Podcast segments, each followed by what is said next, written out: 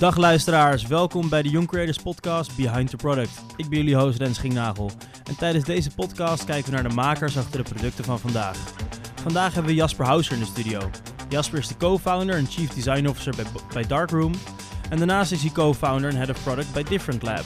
Hiervoor was hij design manager bij Facebook. Laten we beginnen.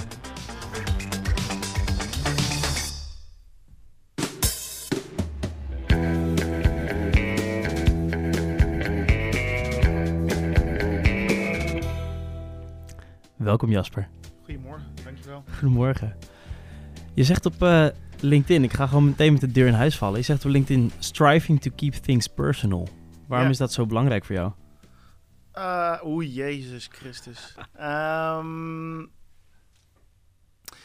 ik, ja, personal kan je op meerdere manieren eh, ehm, ehm, tot je betrekken. Ik denk dat het voor mij eh, belangrijk is dat je producten maakt voor mensen. Ehm, en dat de mensen die de producten maken ook eh, er plezier in hebben. Dus eh, persoonlijk zie ik op verschillende manieren. Gaaf, dus dat het allemaal hu- human-centered is, user-centered. Absoluut. Dat, eh, ja, in, in dit vak denk ik dat het belangrijk is om je continu te realiseren dat je dingen voor mensen maakt. Je kunt ook wel dingen voor jezelf doen, maar dan ben je een kunstenaar. En als je producten voor anderen wil maken, of het die andere mensen gebruiken, dan moet je ze wel op een bepaalde manier of centraal stellen of eh, erg betrekken bij wat je aan het doen bent. Dus altijd die gebruiker meenemen. Ja, Ja, lijkt me handig. Ja. De- denk ik. ja wel helemaal mee eens. helemaal mee eens. Ja, of we moeten dingen voor machines maken, dat kan misschien ook wel.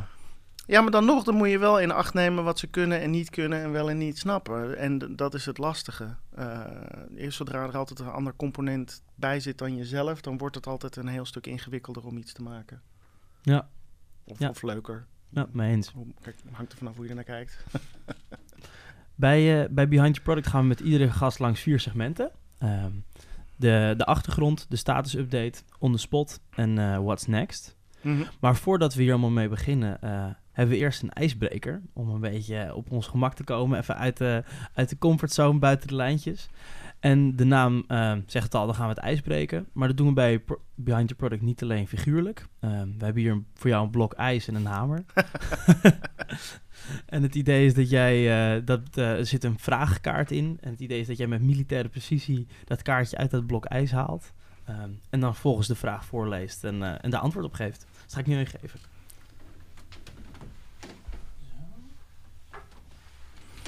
In die tassen weer halen. Blauw. Oh, ja, precies. Zo. Even kijken hoor. Plakt goed. Ja, dat is oké. Perfect. Hey. Zo.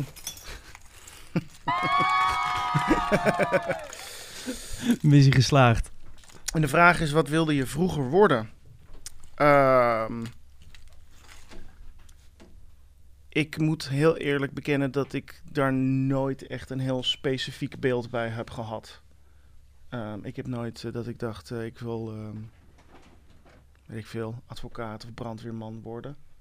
Ehm, ik, ik heb wel vroeger altijd het gevoel gehad dat ik dingen wilde maken. Ik kom uit een gezin eh, waar mijn moeder de kunstacademie had gedaan, de Rietveld. En mijn vader had grafische vormgeving gestudeerd op het conservatorium. Dus dat, dat zat er altijd wel in. Maar wat het dan precies was, dat, eh, dat wist ik eh, niet precies. Dus ik heb, ehm, toen ik uiteindelijk naar de kunstacademie ging, ook heel lang getwijfeld of ik nou fotografie of grafische vormgeving moest studeren. Ik vond dat altijd heel erg lastig.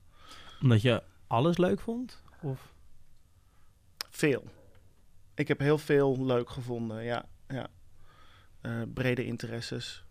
Dus veel verschillende dingen willen doen. Ik had ook, eh, weet ik veel, aardrijkskunde kunnen studeren of biologie of weet ik veel wat. Ik heb het dus allemaal wel de revue, revue gepasseerd. Maar ik heb nooit, vroeger in ieder geval nooit een exact idee gehad van nou dat ga ik worden. Dat is gewoon eigenlijk alles wat, wat met de ma maak, dingen maakte had en creativiteit. Ja. Hoor, hoor ik een beetje terugkomen. Ja, veel dingen doen en veel dingen proberen. Dat, dat- omdat ik het niet helemaal precies wist. En eh, toen ik uiteindelijk dingen ben gaan maken met de computer en grafische vormgeving, had ik wel iets van: oké, ja, dingen vertellen of problemen oplossen met beeld, dat vond ik erg interessant. Gaaf. Ja. Ik denk dat het een mooie, mooie eh, segue is naar de achtergrond. Ehm, dus daar gaan we mee beginnen.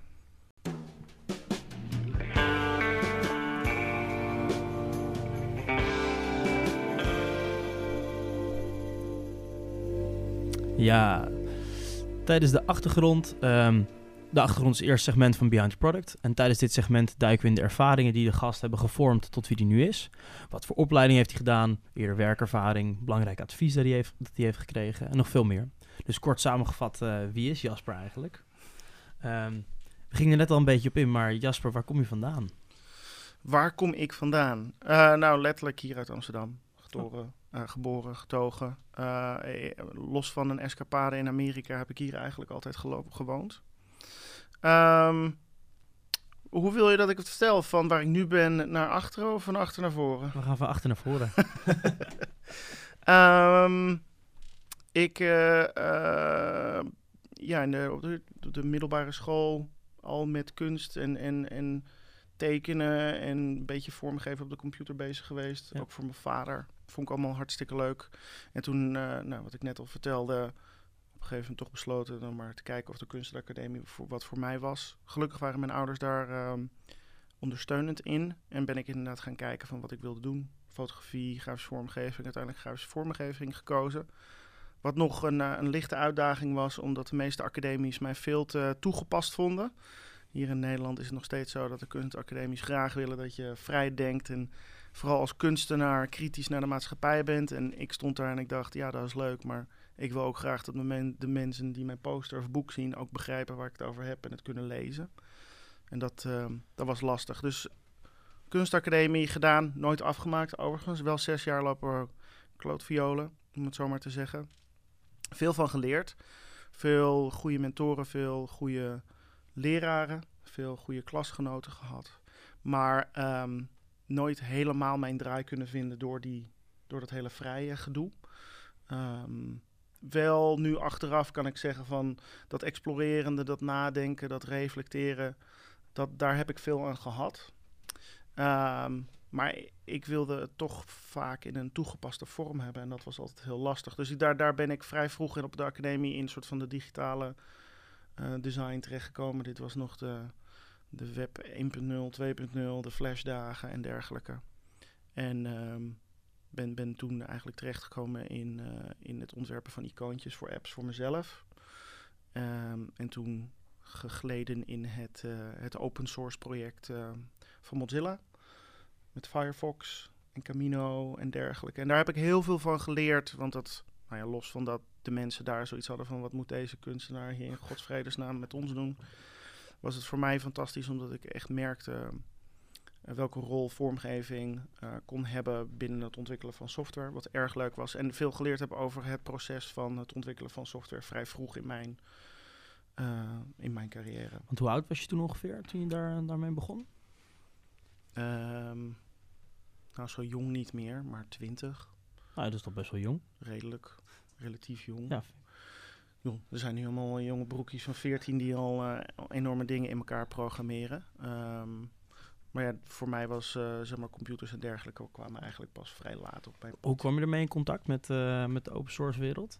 Is dat gewoon op internet browsen en denken, goh, ik zie hier die browser, eh, ik wil daar aan meehelpen?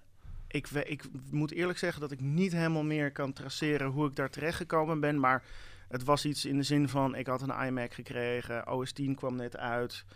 En ik dacht, eh, ik wil een coole browser. En iedereen liep te miep op Internet Explorer. En toen ben ik een beetje gaan rond gaan zoeken. En toen was er nog een browser van Omni. En was er nog een raar, ergens een klein open source projectje met, dat heette Chimera. En ik vond dat er niet uitzien. En toen ben ik gewoon wat dingetjes gaan ontwerpen, dat op internet gezet. En zo ben ik met die mensen in, in contact gekomen. Vet, ging dat toen via een dribbel of zo? Had je dat toen al? Nee hoor, dat ging toen nog via IRC-channels en ouderwetse forums en zo.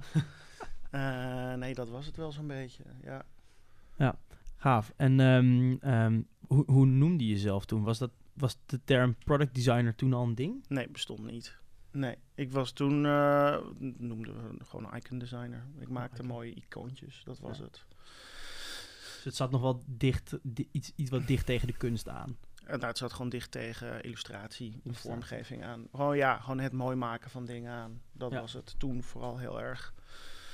En dat heb ik een hele poos ehm, gedaan voor mezelf. Totdat er een aantal mensen waren die zagen dat ik dat eh, leuk deed. En wat opdrachtjes gedaan. Ehm, en daar ben ik toenertijd vrij bekend mee geworden. Omdat er niet veel mensen waren die zeg maar freelance uh, app-icoontjes of toolbar-icoontjes maakten. En de, de lat lag vrij hoog in die tijd met OS 10. OS 10 was, uh, toen het geïntroduceerd was, ja, was die stijl van icoonontwerpen was nieuw.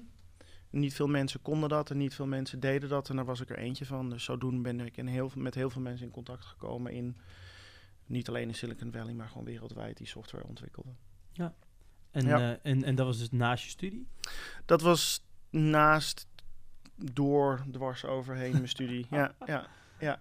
Vond je dat dan ook eigenlijk iets interessanter dan wat je op je studie aan het doen was? Of, uh... um, dat ik, weet ik niet meer. Ik, ik vond het vooral. Voor mij was het vooral dat ik het interessant vond omdat het toe, toegepast was. Ik merkte dat er een verschil gemaakt werd. Um, ik wist dat er veel mensen waren die het gebruikten. En ik vond dat toch een beetje lastig op de academie, omdat alles een beetje een soort van theoretisch en geïsoleerd van de werkelijkheid was. Um, um, dus het, het, is, voor, voor mij was het nooit dat ik het leuker vond. Voor mij was het meer een soort van er was vraag en ik kon dingen doen en het was hartstikke leuk. En uh, dus heb ik dat gedaan en dat heeft uiteindelijk gewoon ook voor gezorgd dat ik niet veel tijd meer spendeerde aan de academie. Nee. Maar nee. misschien ook niet erg. Nee, nee, denk ik zeker niet. Ik heb er veel van geleerd, maar, maar niet afgemaakt. Ja. ja. Het is wat, wat, het is. Zijn er belangrijke... Je ging eigenlijk net al een beetje op in. Dus die zoektocht wat, is iets wat je daar geleerd hebt. Hoe je, zijn er andere dingen van je zegt van... God, dat was echt formatief aan die periode? Um, nou ja, gewoon het, het idee van uh, hoe ontwikkel je nou software. Dus zowel um, een, beter, een goed begrip hebben van... Uh, in, ieder geval in gesprek met programmeurs het gesprek hebben van... zouden we dit kunnen doen, zouden we dat kunnen doen? Hoe moeilijk is dit, hoe moeilijk is dat? Um, en daar, het was natuurlijk open source, dus iedereen deed het een beetje in zijn eigen tijd. En daardoor werd er ook en werden er ook goede gesprekken gevoerd over... hebben we hier wel tijd voor? Wat kunnen we doen wat beter is? Um, of wat, wat gaat echt verschil hebben? Um, dus prioritisering op een soort van uh, organische manier. Ja, het constraints, natuurlijke ja, constraints. we hadden natuurlijke constraints. En dat was, dat was er heel fijn aan en heel mooi aan. Um, ja, dus veel van de, van de basisdingen. En uh, nou, het waren wel echt allemaal uh, supergoeie mensen die daaraan werkten. Um, dat zijn tegenwoordig allemaal super senior programmeurs. Eentje is uh, lead programmeur bij Safari, de ander is lead programmeur bij Chrome. Dus het zijn, waren echt waren in die tijd al um, hele serieuze mensen die bij Netscape vandaan kwamen. En uh, nu natuurlijk helemaal serieuze mensen. Jij dus zat er als broekie tussen. Ik zat er als broekie tussen en ik zat maar wat uh, aan te hengelen. Ja, ja een mooie omgeving. ja, dat was heel leuk, ja. Zeker weten. En op een gegeven moment ben, uh, ben je Koen Bok en ehm, en Dirk tegengekomen, geloof ik, Dirk heet Ja, nou, nou het, sterker nog, er, er zat een soort van tussenperiode in. Dus in die, in die, in die uh, periode dat ik voor mezelf dingen aan het doen was, ben ik ook wat mensen in Amerika tegengekomen. En Phil Roof van Mac Themes en, uh, en allerlei andere dingen nog. En uh, hij was weer vrienden met Austin Sarner. En met Austin Sarner heb ik toen AppZapper gedaan. Of in ieder geval het icoontje voor gemaakt. Wat was AppZapper? Uh, een app om je apps te uninstallen van je Mac. Dat zat er nooit op. uh, Handig. Nou, je kon natuurlijk gewoon de, het app-icoon naar je, naar je map toe flikkeren. Maar uh, dan bleef er nog allemaal rotzooi links en rechts staan. En dat had hij gemaakt met een vriend. Heel succesvol in der tijd. Um, en samen met hem heb ik uiteindelijk een app gemaakt die heette Disco. En precies in die periode, um, volgens mij was het, wanneer was dit? 2005, 2006 um, ben ik toen ook uh, Koen en Dirk tegengekomen in Amsterdam. Want die waren, uh, die werkten bij een Mac-winkel hier in Amsterdam. En die wilden een point of sale maken, want alle, alle kassasystemen waren drama, DOS, toestanden. En die wilden zelf wat maken. En die ben ik daar tegengekomen. Scratching their own itch. Absoluut, ja, zoals we dat uh, allemaal yeah. vaak doen als je producten ontwikkelt. En dat... Um, dat was leuk. Dat waren mensen die heel serieus waren. En, en het was precies een goede timing voor mij. Want ik, ik zat een soort van in de overgang van... Nou, en stoppen met de academie. Maar ook me realiseren dat... Um, gewoon mooie icoontjes maken voor brakke apps niet heel erg leuk was. Dan, Dan kan uh, de façade nog zo mooi zijn. Ja, nee, het is vreselijk. Dat was... Um, ja, Lipstick on a Pig. Dat, dat, dat schoot niet op. En, eh, en toen oh, ja, samen met Austin natuurlijk eerst de stap gemaakt om zelf wat te ontwikkelen. En toen Koen en, uh, en Dirk tegengekomen. En toen gedacht van ja, het is helemaal geen gek idee om eigenlijk gewoon samen wat dingen te maken. En dat hebben we toen gedaan. En daar, daar was Sofa toen uiteindelijk een half jaar later mee opgericht. Vet. En, en, en jullie begonnen met checkout, geloof ik? Ja. En dat was dat point of sale Point of sale kassasysteem voor op de Mac, ja. Ging dat een beetje? Was het... Uh... was stroef en moeilijk. Ja, het was uh, nou ja, inderdaad scratching your own itch. Uh, maar ook niet helemaal realiserende wat dat allemaal inhield. Om zoiets van de grond te trekken. Um, er is natuurlijk altijd, nou, nu achteraf makkelijk, makkelijk zeggen, maar er is natuurlijk altijd een groot verschil tussen zien dat er iets gemaakt moet worden en je afvragen hoe kun je dat succesvol doen. Nou, dit was de eerste keer dat wij überhaupt zelf echt een groot product maakten. Het was meteen ook een, een massief ding. En de eerste keer dat we überhaupt bedrijven opzetten. En dus we hadden, we hadden allemaal geen idee. Dus we, alles was nieuw. Al, echt alles was nieuw. Geen idee. Niet voor naar school. Geen van ons zijn naar school gegaan ervoor. Niemand van ons was echt business achtergrond. Niemand had software gestudeerd. Gewoon, het was één groot... Uh, we zien het wel verhaal. En dat, uh, dat ging best goed. Later. Checkout is nooit uh, het product geweest waar we het, het meeste geld aan hebben verdiend of de meeste gebruikers bij hebben gehad. Dat was uiteindelijk Versions. Um, wat we van iemand hadden gekocht die we kenden uh, via mij, want ik werkte aan Versions al veel langer voordat. Wat is Versions? Versions was, um, was, is, bestaat nog steeds een uh, subversion client of een versiebeheer uh, client voor op de Mac, zodat mensen die niet graag in het terminal hangen, toch een versiebeheerprogramma konden gebruiken. Um, dat was uh, uiteindelijk zeg maar, het product wat het meeste omzet draaide en wat de meeste mensen gebruikten. Voor mijn gevoel gebeurt dat meer in het Mac-ecosysteem. Dat kleinere appjes worden overgenomen door vrienden. En meer dan bij Windows heb ik het gevoel. Zou kunnen, weet ik eigenlijk heb niet. ik heel erg. Dat zou heel goed kunnen hoor. Uh, ja, het is een kleine, was een kleine community. En Mac apps is nog steeds een hele kleine community. Als je dat vergelijkt ten aanzien van uh, weet ik veel, iOS of zoiets, is dat natuurlijk relatief marginaal. Het is gewoon heel veel werk. Um, en dus is het ook, ja, kan ik me goed voorstellen dat dat vaker gebeurt, omdat het, ja, als je eenmaal een app hebt die goed werkt, en je hebt een goed team opgebouwd en je ziet iets wat er uh, interessant is om bij te doen, dat je dat erbij kan nemen. Ja, ja. en gepassioneerd natuurlijk. Dat is iedereen die, die die apps gebruikt. Die, uh... Klopt. Ja, het is een hele gepassioneerde groep. Dus zowel ontwikkelaars als mensen die het gebruiken, wat heel erg leuk is. Um, altijd veel plezier gehad in het uh, ontwikkelen van apps voor de Mac. Het is een, een vrij dankbare groep. Niet altijd de, de, de plek waar je het meeste geld aan verdient, maar desalniettemin. Ja, precies. Vertel dat maar aan Apple. ja, maar ze, ze zijn er mee bezig. Ja, volgens mij. Ja, volgens hoop mij ik. ook. Ik hoop het ook. ik ben erg blij met mijn Mac. Hey, je had het over je, over je, je co-founders toen. Uh, Koen en Dirk. Wat, wat is belangrijk bij, bij co-founders? Uh, dat je niet allemaal hetzelfde bent, denk ik. Vooral.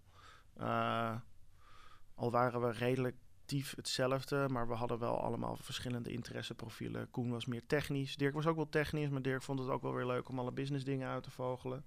Nee, nee, ik was niet technisch en ik had al helemaal geen koek of kaas gegeten van uh, business.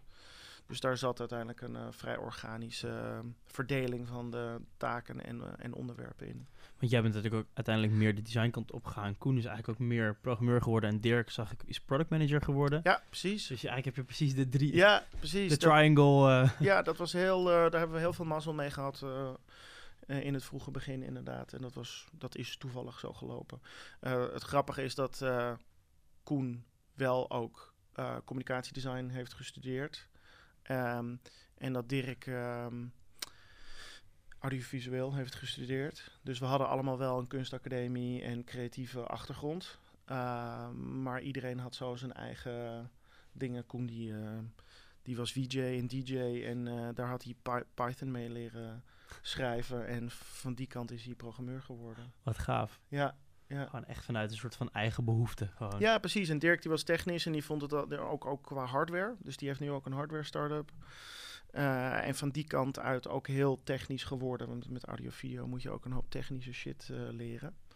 Um, en daar had hij ook weer programmeren bij geleerd. Dus zo is dat een beetje bij elkaar, eh, bij elkaar geraapt op een toevallig erg goede manier. Ja, ja, ja klinkt, als een, klinkt wel als een mooi team inderdaad. Ja, ja. En bij Sova, de, je hebt eigenlijk nu twee producten beschreven die soort van eigen producten waren. Ja. Dus eh, een checkout, ja, dan wel gekocht, maar zelf nee, een checkout zelf gemaakt. Of, ik en bedoel, eh, versions, versions. aangekocht. Ja, ja, Deden jullie ook, ook agencywerk, dus voor andere bedrijven? Of? wel wat. Ja, daar, daar, hadden, daar bootstrapten we een deel mee. Dus we hebben een hele periode voor TomTom gewerkt. Eh, veel iconen ontworpen. En uiteindelijk ook de eerste TomTom app voor op de iPhone ontwikkeld voor hun en met hun. Hebben we uiteindelijk publiek nooit wat over gezegd, want toen de tijd waren we er niet zo heel erg trots op. Ehm, maar het was wel ons eh, eerste keynote product. En, en waarom niet? Ehm, het was niet wat wij hoopten en wilden dat het zou worden. Ehm, ook, eh, ja, maar dat is makkelijk zeggen, weet je wel. We willen niet dat, we vinden het niet goed genoeg. Maar ik denk dat eh, achteraf gezien binnen zeg maar de, de constraints die er waren, dat we een ongelooflijk goede, go- goed product neer hebben kunnen zetten. Maar het was niet, het was geen sofa-product zoals dat in die tijd eh, bekend was. Want dat was al op een bepaalde manier bekend. Ja, ja, we waren vrij snel vrij aanwezig. we waren goed in het visueel schreeuwen. Dat was heel effectief. En, en, en hoe deden jullie? Hadden jullie dan een blog of zo? Of hoe, hoe stuurden jullie dit allemaal de ether in?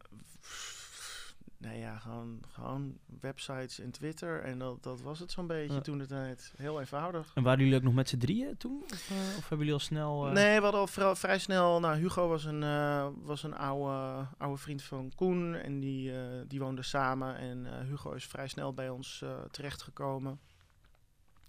En die zit nu bij Unity. Daar is die een van de head pro- product design. Gaaf. En eh, Jorn is erbij gekomen als eh, stagiair. En die is eh, daarna blijven plakken. en nu co-founder van Framer. En nee, zo hebben we dat team een beetje... dat was de, de harde kern, de vijf. En later hebben we dat uitgebouwd. De, de Sofa-maffia. Ja, inderdaad. Ja. Gaaf. En nee, jullie zijn, dus- waren dus lekker hard aan het schreeuwen en gave producten aan het maken. Op een gegeven moment klopt een Facebook bij jullie aan? Of hoe is dat gelopen? Mm. Ga ik niet te snel? Maar Even een slokje eh, water drinken. Eh, nee, helemaal niet. Ehm, nou ja, er- zijn nog wel bij, bij Sofa nog een paar kleine dingetjes. Toen we uiteindelijk hebben we natuurlijk nog een, nog een product uitgebracht, Kaleidoscoop. Eh, moeilijk product om te maken. Hebben we twee jaar over gedaan en uiteindelijk niet een doorslaand succes. Het is wel mooi om te zien dat het nog steeds gewoon netjes bestaat. Want wat is Kaleidoscoop? Kaleidoscope is een, eh, eh, een bestandsvergelijkingsprogramma waarmee je tekst en beeld eh, kon vergelijken. Heel erg voortgekomen natuurlijk uit het, het versiebeheerprogramma Versions. Was een logisch product om aan toe te voegen. Alleen nooit een doorslaand succes geweest, omdat we in die tijd in ieder geval geen merging toe hadden gevoegd. Dus dat je geen dingen kon samenvoegen. Dat was een expliciete keuze, omdat het gewoon knal ingewikkeld was voor ons om te maken in die tijd. En na twee jaar werk hadden we zoiets van, nou moet dat kreng ook wel naar buiten toe. Ehm, eh, dat product uiteindelijk eh, ook gemaakt. Ehm, en inderdaad, eh 2011 eh, gebeld door Mark Zuckerberg zelf. Ik wil eigenlijk nog een klein stapje terug. Want Ja. ik vind het wel interessant wat je zegt. Eigenlijk maakten jullie best wel technische producten. Voor, voor een groepje wat uit een soort Ja. van kunstacademie Nee, het sloeg helemaal nergens op. Ja, we legden de lat veel te hoog. Eh, nou ja, we hadden ook geen, eh, hoe, hoe zeg je dat? We hadden, niet zo, we hadden nooit echt een gesprek over, ik weet niet waarom, maar we hadden nooit echt gesprekken over, is dit wel verstandig om te doen? Het was vaak gewoon een soort van, ik heb een idee, zullen we het doen? En dat de anderen dachten, oh ja, ik heb wel wat ideeën hoe we dit kunnen doen. En daardoor nooit echt hebben in kunnen schatten hoe ingewikkeld het wel... Maar we hadden niet echt een, een benchmark. Daarvoor wisten wij veel. En nu achteraf gezien, weet je wel, een, een kassasysteem met een boekhoudcomponent eraan. Een versiebeheersysteem. En ehm, dat is allemaal fucking ingewikkeld. Zelfs Ja. nu, als ik eraan zou denken, zou ik toch zou ik wel twee keer erover nadenken of ik wel die kant op ga. Ehm, dus inderdaad, dat waren technisch, maar ook qua interactie en ehm, gewoon überhaupt qua management best wel ingewikkelde producten. Maar misschien ook wel weer een voordeel om die markt in. Want ik kan me voorstellen dat juist in dingen als zo'n versiebeheer eh, systeem in, in de wereld daaromheen er eigenlijk niet heel veel mooi gedesignde dingen te vinden waren. Niks. Nee, nee, dat was het niet. Nou ja, dat was natuurlijk ook uiteindelijk voor ons de reden om te zeggen van... nou ja, er is niks goeds, dus gaan wij dat wel doen. Ja. Op een naïeve manier. Je niet realiseren waar je instapt. Deels, ja. Precies. Maar je deed toch wel blijkbaar een aantal dingen erg goed. Want Ja, wat je net zegt, eh, Mark Zuckerberg die belde. Ja, ja. Eh, nee, ja, we hadden natuurlijk een mooie naam voor onszelf gecreëerd. Twee Apple Design Awards gewonnen. En we vonden, ons, vonden zelf ook wel dat we mooie dingen maakten. En andere mensen ook wel. Ik, eh, ik, ik, het is nog steeds een soort van wonder dat we dat, eh, of mazzel hebben dat dat gelukt is. We waren wel heel goed en heel slim. Maar het is ook wel knap dat dat gelukt is allemaal. Ja. En inderdaad, Mark Zuckerberg belde uiteindelijk in 2011. Eh, en wilde graag praten over een eh, potentiële samenwerking op design, zoals dat hij dat eh, toen noemde. Ehm, en dat was voortgekomen uit bij twee kanten daar. Onze kant, wij, vooraf af zeggen dat wij nooit het idee hebben gehad van we gaan zoveel verkopen, we gaan wat anders doen. Ehm, misschien had dat wel een goed gesprek geweest om eerder te hebben, maar daar, daar waren we eigenlijk niet zo mee bezig. We waren heel erg bezig met gewoon doorgaan en, en hard stampen. Ehm, en eh, nou ja, Mark's kant ervan was dat eh, in, in Silicon Valley begon in 2011 wel een beetje duidelijk te worden dat met, eh, met software alleen zou je er niet komen. Technisch gezien kon alles wel, maar dan werd de vraag, ja, als je dan alles kan, wat, wat ga je dan doen? Ehm, en toen is daar een beslissing gemaakt om te kijken in hoeverre ze design wat centraler konden stellen om, om te helpen te definiëren wat dan te doen en hoe dat dan best te doen. Ik ben wel benieuwd, hoe, hoe gaat zo'n telefoontje?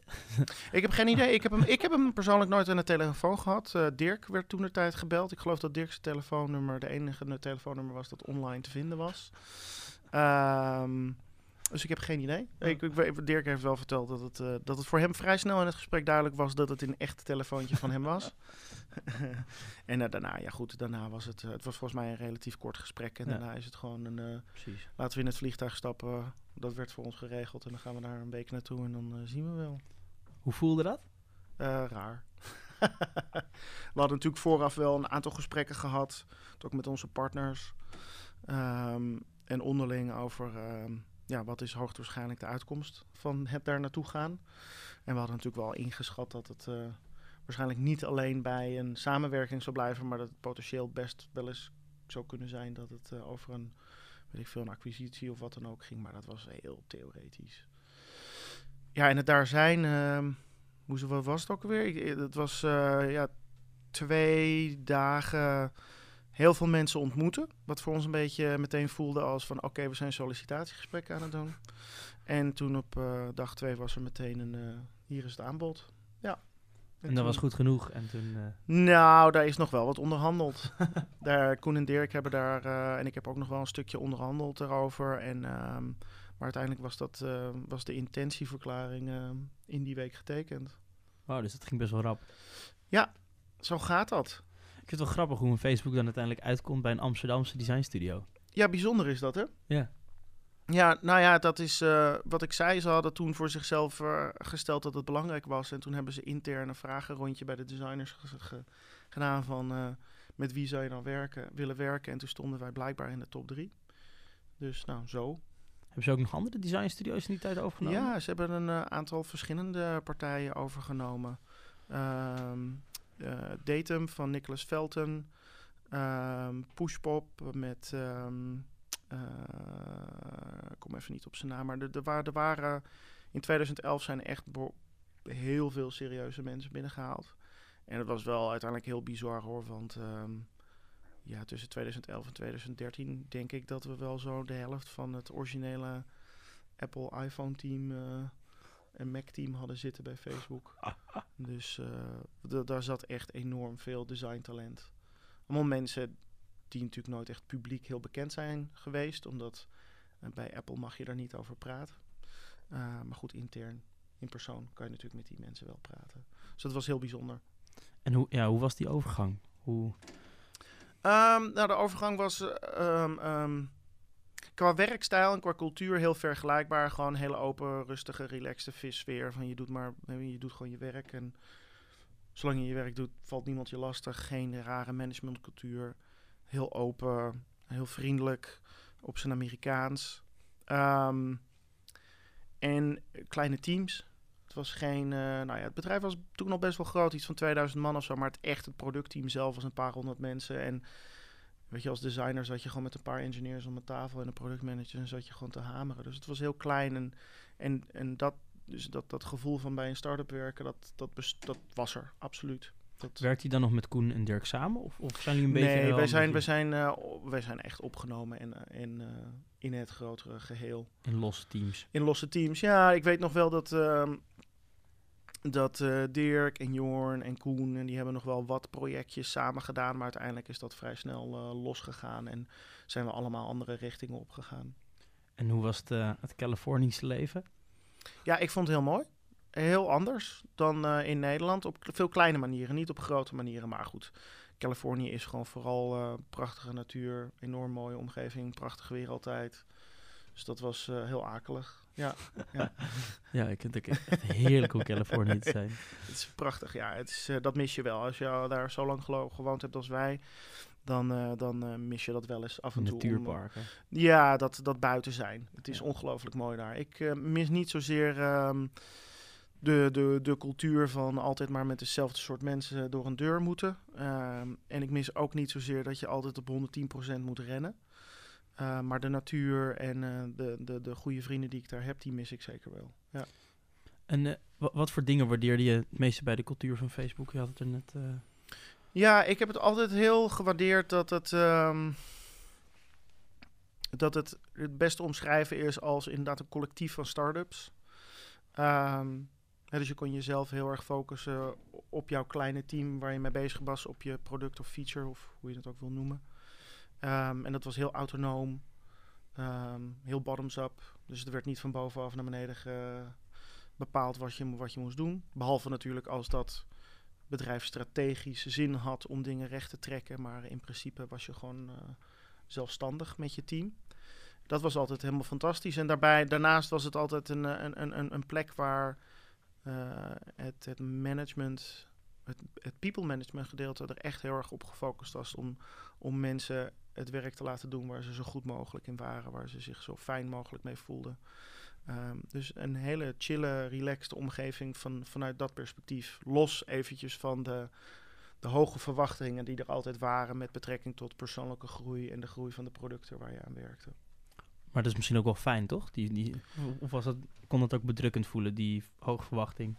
Ehm, bij tijd en wijle en bij tijd en wijle kan dat best wel, best wel heftig zijn. Zeker als je dat niet gewend bent. Dus dat eerste jaar was voor mij best wel eventjes dat ik dacht, holy shit.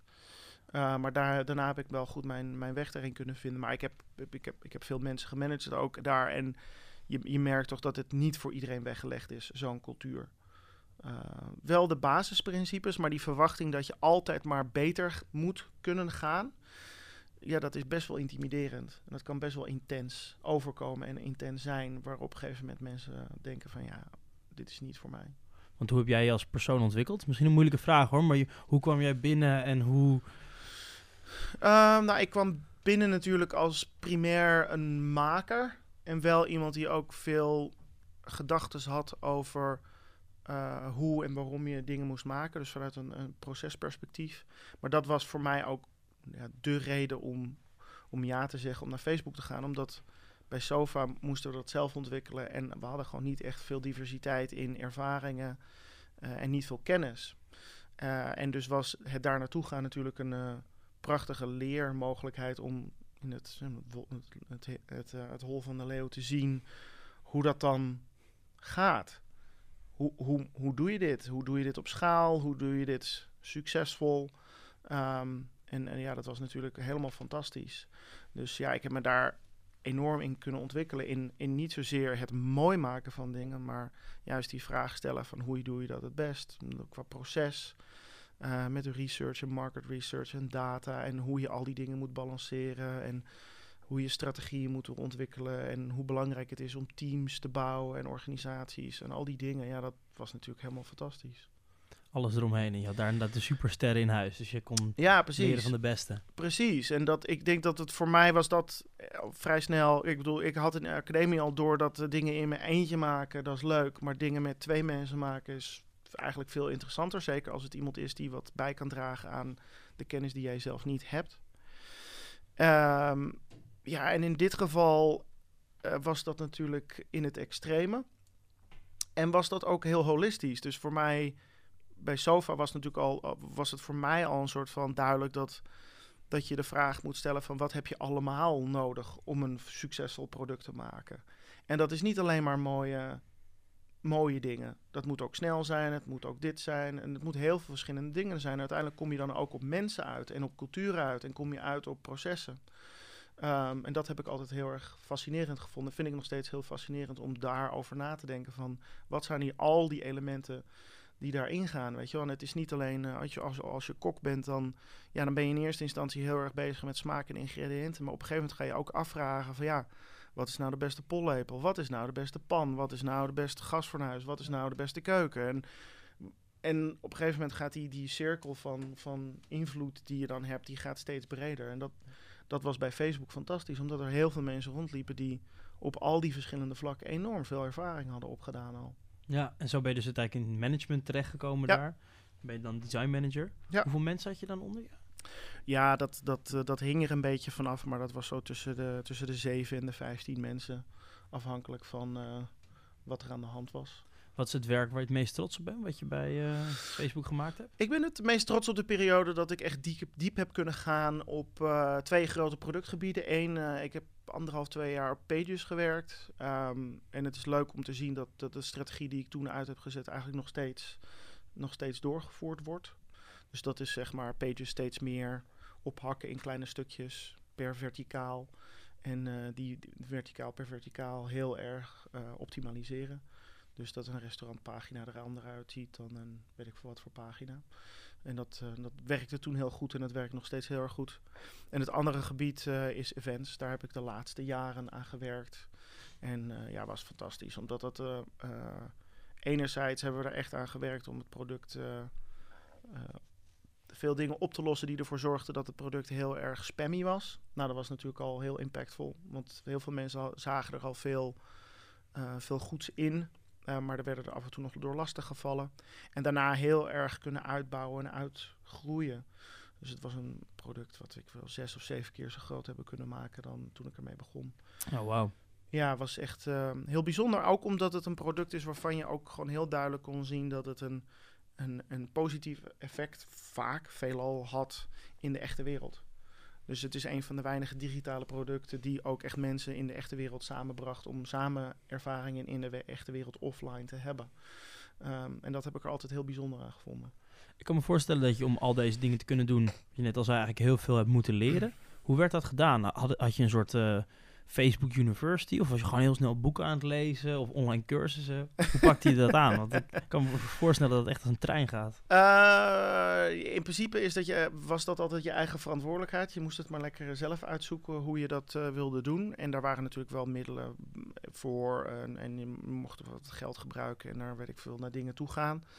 Ehm, maar ehm, ik, heb daar, ik, ik heb zelf altijd het meest profijt gehad bij inderdaad boeken lezen. Eh, veel mensen opzoeken, veel met mensen praten, kopjes koffie doen en, en een soort van mentorgesprekken hebben. En eh, nou, voor management was er dan wel een soort van management eh, track waarin je een coach kreeg en waarbij er ook nog wel cursussen waren en dergelijke en boeken die je moest lezen en zo. Maar uiteindelijk is het een heel erg auto- autodidactisch allemaal daar, voor, bijna voor iedereen. Beetje zoals de oprichter. Heel erg. Nou ja, ik, ik geloof er ook wel echt heel erg in dat ehm, als je echt heel, als je ergens echt goed in wil worden, dan moet je ook, moet je ook zelf uitvogelen hoe je daar het best goed in kan worden. Want eh, een cursus doen wil echt niet, of op school zitten wil echt niet zeggen dat je er goed in gaat zijn. Dan, dan weet je er wat over. En het, het toepassen en het leren terwijl je toepast en daar coaching bij krijgen terwijl je het toepast, eh, heeft voor mij in ieder geval altijd het beste gewerkt.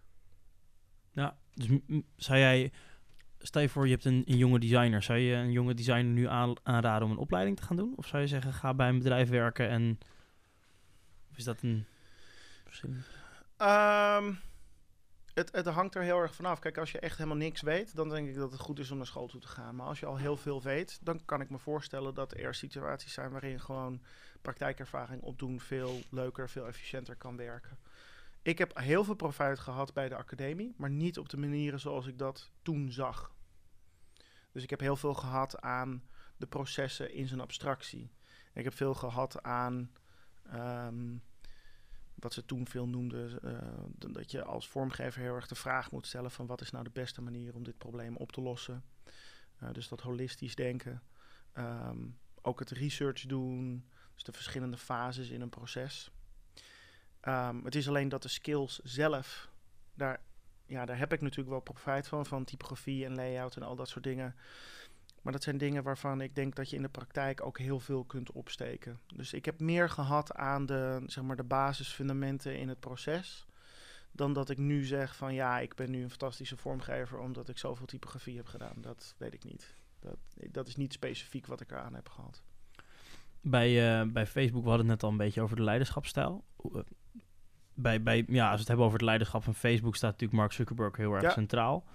Um, hoe, hoe was het om met Mark te werken? Wat voor persoon is uh, Mark? uh, ja, ik heb het in zijn algemeenheid eigenlijk altijd een hele bijzondere ervaring gevonden. Uh, een hele aardige, slimme man met wie ik met veel heb samengewerkt. Um, niet een makkelijk persoon, omdat hij um, qua gedachten in ieder geval um, in een wat, wat abstractere wereld in, tussen zijn oren heeft zitten dan wij als makers. Wij als makers zitten natuurlijk de hele tijd de overwegingen te maken van hoe doe je dit, kan dat, gaan mensen dit begrijpen, gaan mensen dat begrijpen. Um, en hij zit natuurlijk en zat toen de tijd veel op een veel hoger strategisch niveau. Waarin er gewoon meer gesproken werd over, nou maar wat nou als we dit doen, dan kan het dat vergemakkelijken of mogelijk maken. Uh, en daar heb ik zelf heel erg van geleerd. Omdat dat is, uh, dat is niet heel evident, niet heel makkelijk. En een heel interessant voorbeeld voor mij geweest. En daar was hij niet de enige in hoor. Veel, er waren veel mensen in het, uh, in het leadership team met wie ik samen heb gewerkt. Die, die heel erg op eenzelfde manier dachten en werkten. En dat vond ik heel erg interessant. Dus je hebt een soort van geleerd, in, helemaal, helemaal, als we helemaal teruggaan, was jij echt bezig met zelf de kleuren tweaken. En dat was je manier van designen. En eigenlijk ben je steeds een niveautje omhoog gegaan. ja. Steeds meer levers gevonden om, om dat design op een grotere schaal ja. te kunnen... Nou, niet alleen een grotere schaal, maar ook een... een nou, de, de, het punt daarbij is relevantie te vinden. Dus je probeert steeds meer een, een andere relevantie te vinden. En dan merk je dat design uiteindelijk een middel is om dat te vertalen naar iets wat bruikbaar is. Maar daar zitten natuurlijk heel veel achterliggende dingen in. Van weet je, wat, wat motiveert mensen nou? Wat zijn nou de problemen die mensen hebben die je kunt vergemakkelijken? En dan is design uiteindelijk maar slechts een middel om daarmee om te gaan. Maar ja, weet je, uh, copywriting is daar ook een manier voor. En programmeren is daar ook maar een manier voor. Ja, ja, ja gaaf. En, en je hebt dus tijd met uh, uh, met, met Mark gewerkt en eigenlijk van Mark geleerd van hoe kan je eigenlijk een beetje in je hoofd soort van, van die systemen bijna modelleren, zou je kunnen zeggen. En als ik, wat nou als ik deze parameter aanpas, wat gaat er dan gebeuren in dat systeem? Ja. Nou, niet alleen dat, maar ook, ook, meer, uh, ook, ook meer kijken vanuit een markt- en een gemeenschapsperspectief van wat speelt er nou, hoe kun je daarop inspelen, wat zijn nou dingen die, daar, die je daarmee zou kunnen doen. En dat is, uh, ja, heel fascinerend geweest altijd. Het is wel grappig, want ik denk dat als mensen... Dat komt natuurlijk ook deels door zo'n film als een social network. Ja. Mensen denken bij een markt denk ik al heel snel aan een meer technisch genie... die verder eigenlijk niet in de business gegrond zit. Dat is eigenlijk, denk ik, het, het, het algemene beeld van mensen van Mark Zuckerberg hebben. Ik denk dat dat... Eh, de, laat ik het anders zeggen. Ik ga niet zeggen of dat waar of niet waar is. Ik ga, uh, ga zeggen wat ik wat ik weet dat voor mij in ieder geval in mijn samenwerking met hem waar is. Um, het is iemand die de mensen altijd centraal stelt en menselijk gedrag altijd centraal stelt. Um, hij heeft niet alleen een opleiding in programmeren gedaan, maar ook, ook een opleiding in psychologie. Dus het is iemand die heel goed begrijpt uh, wat er zeg maar, achter, achter mensen hun wil en begrip en wat, wat al niet zit. Um, en dus voor hem is altijd centraal geweest dat je dingen maakt die mensen willen gebruiken of nodig hebben en vaak willen gebruiken nodig hebben.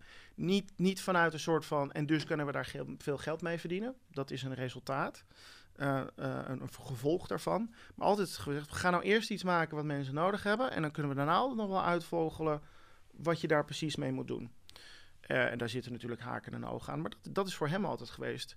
En da daar zit natuurlijk een technisch component in. Dat hij wel zeg maar ook snapt wat technisch daar de meerwaarde van is. En technisch wat, wat voor complexiteit dat met zich meebrengt. Cheryl is. Cheryl Sandberg is altijd binnengebracht om te helpen bij het. Oké, nu hebben we een product dat heel veel mensen gebruiken. Hoe gaan we dat in Gods vredesnaam bekostigen? En daar heeft zij zeg maar de organisatie voor opgezet om dat probleemstuk op te lossen. Maar veel geld verdienen is letterlijk een resultaat. Dat is nooit het doel geweest. Het doel geweest voor Mark in ieder geval is altijd een product maken wat veel mensen willen gebruiken en nodig hebben. Ja, en dat dan hè, met Cheryl inderdaad in een soort van business viable way. Ja, en Dat, dat heeft zij toen ook bij Google gedaan. Google is ook begonnen met, ja, uh, we willen met z'n allen alles kunnen zoeken. Hoe doen we dat? En toen was er natuurlijk op een gegeven moment de vraag: oei, dat kost al een hele hoop geld. Hoe, hoe zorgen we ervoor dat we hier geld aan verdienen? En daar heeft zij toen ook aan mee helpen bouwen. Als ik, uh, ik, las een artikel over dat Sofa werd overgenomen in 2011. Uh, eh, als je dat dan leest, NRC was het geloof ik, is er ontzettende enthousiasme over, over Facebook. Echt een soort Toen nog wel, ja. Ja, en, en, uh, en ik, ik kan me dat ook van mezelf nog herinneren ja. uit die tijd. Tegenwoordig is er een, een iets donkerdere laag bovenop komen te liggen. Ja. Uh, hadden we toen een soort naïviteit of een soort van nodeloos optimisme? Of, of is het misschien nu juist overtrokken hoe, hoe negatief iedereen. Uh, ik denk dat het ergens daartussenin ligt. Toen, uh, even grappig voor mij was. dat ik, weet ik van 2008 of zo had ik mijn, mijn Facebook-account aangemaakt en nooit gebruikt. Dus ik kende dat hele ding ook niet. Ik had geen idee. Ik, ik kende mensen die daar werkten. Dat, er waren vrienden van mij die daar werkten en die, die in de buurt werkten. Ehm, maar ik gebruikte dat zelf helemaal niet. Dus ik, ik wist ik veel. En dus die film was ook bizar voor mij. Want dat had ik zoiets van, oké, nou ja, daar dus. Dat, dat, dat dan. In het vliegtuig ernaartoe hebben we die gekeken. Um, nee, was super fascinerend. Um, ja, is het overtrokken nu? Ik, ik, vind het heel lastig te zeggen. Ik denk dat we toen zeker niet, niet genoeg wisten over wat social media in zijn algemeenheid zou doen. Uh, Instagram uh, bestond amper. Uh, Twitter was een, net zo groot als Facebook. We hadden geen idee wat het allemaal op de maatschappij, wat, wat voor een impact het op de maatschappij zou hebben. En dat is natuurlijk in de afgelopen jaren behoorlijk veranderd. Um, ja, en dan, en dan denk ik niet dat je kan zeggen dat iets overtrokken is of niet. Het is nu dat we ineens doorhebben wat er gebeurt en wat het allemaal met zich meebrengt. Ja, dat, dat is heel makkelijk zeggen achteraf dat dat anders had gekund. Ik denk dat dat heel moeilijk van tevoren te bepalen is hoe, dat, hoe je dat dan had moeten inschatten. Ik, ik heb geen idee. Ja. Zin, jullie waren wel bezig met natuurlijk een product maken wat op heel veel dingen impact zou hebben. Maar je had misschien niet door dat het zoveel impact zou hebben. Dus eigenlijk dat je product zo succesvol zou worden, zou je misschien zelfs kunnen zeggen? Nee. Ja. Nee. Je, je bent gewoon oprecht bezig met iets goed of beter te maken. En dan, tuurlijk, gaat er af en toe wel eens door je hoofd waar zou het allemaal voor misbruikt kunnen worden. Uh, maar dat werd toen ook nog niet zoveel gedaan. Dus dan is het ook wel, nogmaals, is het achteraf heel makkelijk te zeggen van ja, dat natuurlijk had dat gekund. Ja, maar er waren niet veel voorbeelden van. Of helemaal geen voorbeelden waarbij dit eerder was gebeurd. Dus ik denk dat het nu ook vooral gewoon een hele wijze les is van let wel, maak een heel groot heel digitaal product waar uh, en, en, en de helft van de mensen op de wereld die online kunnen zijn zitten. En je gaat gewoon narigheid krijgen. Dat weten we nu. Ik denk dat het een hele wijze les voor iedereen is. En ik denk dat het zeker niet de laatste keer gaat zijn. Ik denk dat het ook heel naïef is. Ja. Uh, Facebook heeft het lesje geleerd, hoop ik. Ik bedoel, ik weet het niet. Eh, ik, ik dat zal de toekomst uitwijzen. Um, maar iemand anders gaat zich ongetwijfeld nog een keertje hier aan dit ding stoten. Ja, het, is, het is gewoon eigenlijk een, het is een technologische tool. Het is niet inherent slecht, het is niet inherent goed. Uiteindelijk blijft het gewoon om de mens draaien en de menselijke manier ja, van doen. En dat is het, weet je En dat is heel moeilijk te, te voorspellen. Dat heeft dat zijn sociaal-maatschappelijke dingen, dat is psychologie. Je weet, dat is gewoon op deze schaal niet in te schatten. Ja. En, en dat, dat verandert ook steeds. Ja, ik uh, denk dat dit een mooie afsluiter was van de, van de achtergrond. Ehm, we gaan eh, door naar het volgende segment, genaamd de status update. Ja.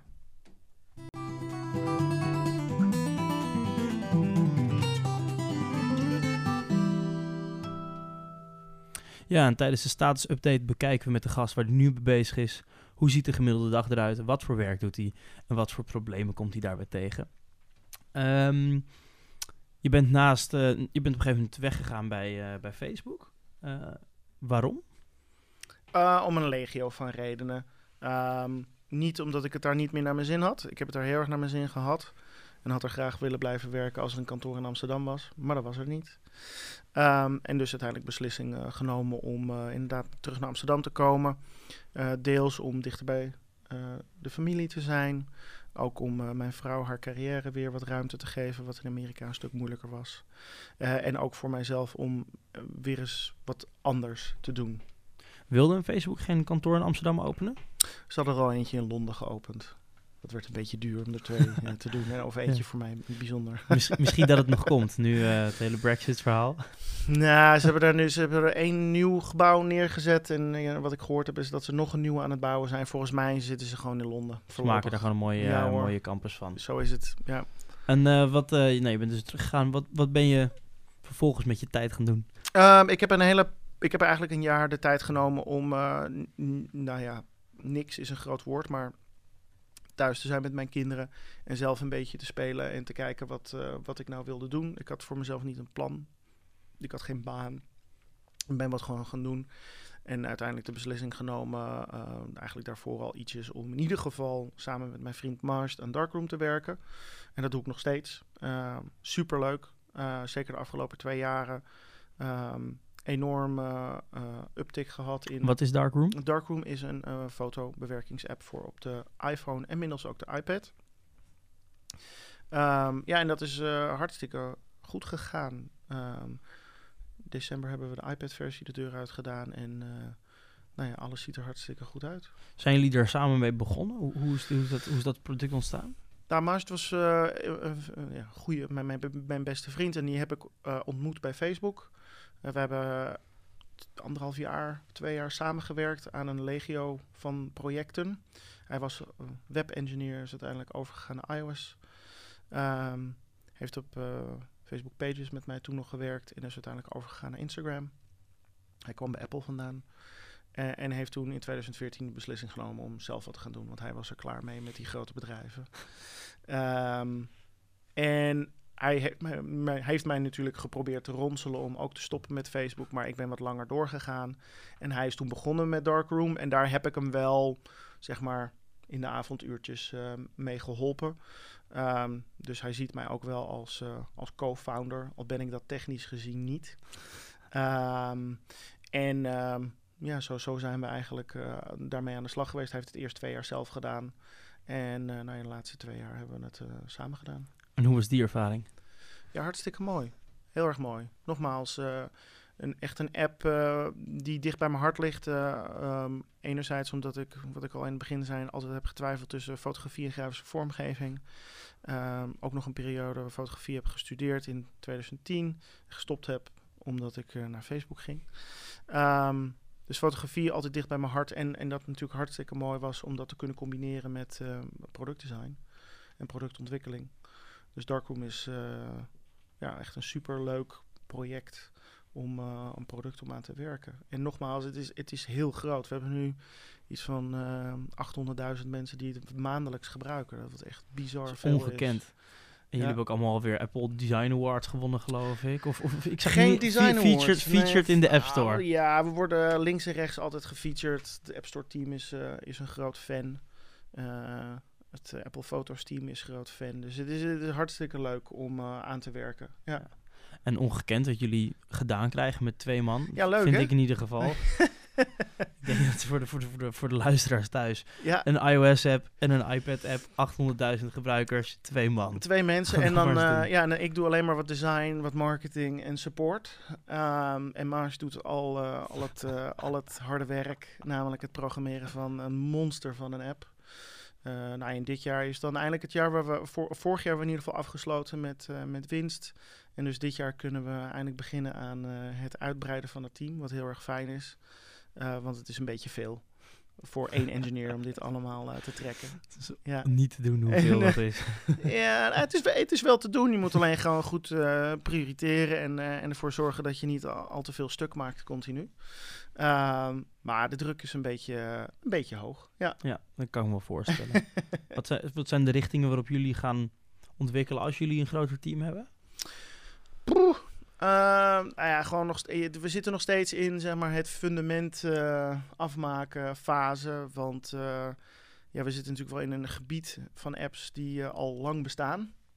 Dus eh, ja, dan, dan, dan moet je tig features hebben. Dus daar zit nog een stuk. En dan, ja, dan uitbreiden naar nieuwe, nieuwe, nieuwe dingen. Ehm, en eh, ja, dat zal allemaal niet eh, super nieuw zijn. Weet je wel, gewoon spot removal en, en selective adjustments. Dat zijn de dingen die we willen doen. En er zit er nog wel meer. Maar goed, dat zal waarschijnlijk eind dit jaar, volgend jaar pas gaan beginnen. Dat we echt de verbreding in gaan. Nu zijn we nog heel erg gewoon aan het fundament bezig. Heeft Adobe ook zo'n app voor eh, iOS? Waarschijnlijk wel, Ja, hè? Lightroom. Lightroom. Ja. En eh, wat is de reden dat mensen... Hebben jullie meer gebruikers of minder gebruikers dan Lightroom? Of Is dat moeilijk te zeggen? Ongetwijfeld minder hebben wij. Ja. Ja. Ja. Maar wel voor mijn gevoel een hele enthousiaste userbase. Als ik, eh, als ik kijk wel eens naar de veel, App Store, veel mensen die het ook lang gebruikt hebben. Ook veel professionele fotografen die aan het overstappen zijn. Ja. Super gaaf. En wat, wat maakt, denk je, dat jullie dat kunnen? Want ik denk dat aan Lightroom zal een team van, eh, weet ik veel, 40 man werken. Zou me niet verbazen Groter. als het niet meer is. Ja, ehm, nou ja, het, zeg maar, wij hebben Darkroom gebouwd op het fundament van Apple. Eh, Apple heeft eh, ooit alle code van Aperture in, in het iOS-platform gepropt en in macOS. Ehm, en die hele engine, Core Image, die, eh, die mogen wij eh, gebruiken. En dat betekent dat eh, zeg maar alle verschillende file formats ondersteunen en heel veel van de image processing die we doen, of een goed gedeelte van de image processing die we doen, die hebben we niet zelf hoeven ontwikkelen. Dat kun je doen, zoals Adobe dat gedaan heeft. Ehm, maar dat is een stukje ingewikkelder. Ja, eh, dus daar, daar zit voor ons de optimalisatie in. Dus ook gewoon heel gretig gebruik maken van alles wat Apple ons geeft. Wederom die constraints die je soort van weer... Ja, nee, want het is ook, eh dan zeggen mensen, wanneer komt de Android-app? En dan zeg ik altijd, nou, eh, dat, eh, mm, we hebben niet alles zelf gemaakt. Dus eh, dat wordt heel ingewikkeld. Het is een beetje hetzelfde als wat Sketch op een gegeven moment had, toch? Sketch heeft ook superveel van de Ja. Apple libraries gebruikt. Ja. Ja. En, eh, en kunnen dus niet zomaar een Windows-appje uit de grond schieten. Nee, dat gaat dan niet, inderdaad. Nee, Ehm, daar moet je echt heel vroeg in het begin een keuze over maken om dat wel te doen. En dan komt dat met heel veel extra kosten. Ja. Ja. Zouden jullie het wel nog een keertje willen doen? Oh, weet je, absoluut. Ehm, als de investering eh, het waard zou zijn en als we er genoeg geld uit zouden kunnen verdienen, zien we, zien we dat wel zitten. En dat, dat blijft lastig. Die investering is heel hoog. En Android is als marketpla marketplace gewoon eh, voorlopig niet zo rendabel als eh, de App Store voor iOS.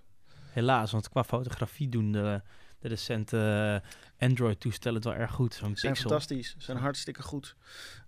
Ja, nee, ze- maken, ze maken mooie hardware daar bij Google tegenwoordig. En dat doet er zeker niet voor onder. Aan de andere kant, daar zit ook een fantastisch goed team hoor. Het Google Fotos team is keihard aan de weg, weg aan het timmeren. Gaan die ook een soort editor maken? Nou ja, ze hebben natuurlijk Snapseed. Ja. Dat is van hun. En Mm. eh, veel van de dingen die daarin zitten worden ook wel in Google Foto's gepropt. Dus eh, het zijn ook, ook weer mensen die wij goed kennen. Dus eh, we praten wel eens af en toe met ze.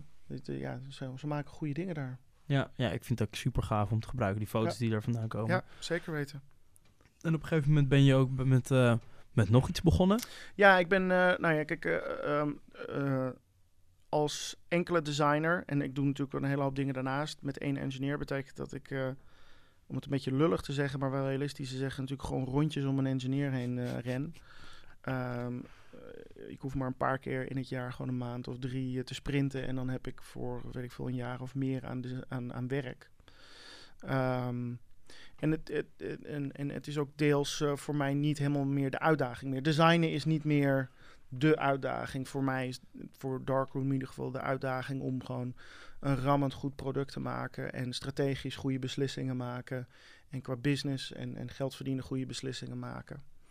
Ehm, ja, en er zijn veel dagen in de week als je dat doet. Ehm, en dus heb ik eh, een gesprek gehad met, eh, met mijn co-founder Mars en gezegd van, ehm, ik ga er wat naast doen, want anders dan ga ik me vervelen. En dat is ook niet de bedoeling, want ik wil dit lang blijven doen. En ik wil het uitbouwen tot iets succesvols. En dan vind ik het prima om daar zelf een soort van eh, concessie in te doen, ook met betrekking tot compensatie en dergelijke. Want het belangrijkste is nu dat er gewoon engineers zijn. Ja. En dat gepriegel van mij, dat is allemaal wel leuk, maar die app moet wel gebouwd worden. Uh, en dus ben ik hier in Amsterdam inderdaad uh, wat nieuws begonnen. Dat heet Different Lab. En ja, in het kort komt het erop neer dat ik een, een, um, een full stack development team heb gebouwd. Of mooie mensen heb gevonden om daar in te participeren. Um, momenteel is dat allemaal web. Um, en daar heb ik wat funding bij gevonden. Um, door middel van partners bij Different Media. En die, die hebben ons in staat gesteld om eigenlijk uh, de komende jaren um, een aantal leuke projecten te doen. Te kijken of we nieuwe interessante producten kunnen ontwikkelen. Dus in plaats van uh, eerst een idee bedenken en dan funding erbij zoeken, hebben we eerst een team opgezet en funding gezocht. En dan gaan we een aantal ideeën proberen te ontwikkelen. Echt een lab? ja, echt een lab. Um, zijn er niet veel die het gelukt is, dus de lat, lat, ligt hoog. Um, we zijn nu al zeven of acht maanden bezig met een belachelijk groot project. Veel te ambitieus. Um, waar ik later in het jaar meer over, over uh, hoop te, te, kunnen zeggen. dus ja, ja we, we, zien het wel. Ja. Wat, wat, doet Different Media? Uh, ja, Different Media doet heel veel verschillende dingen.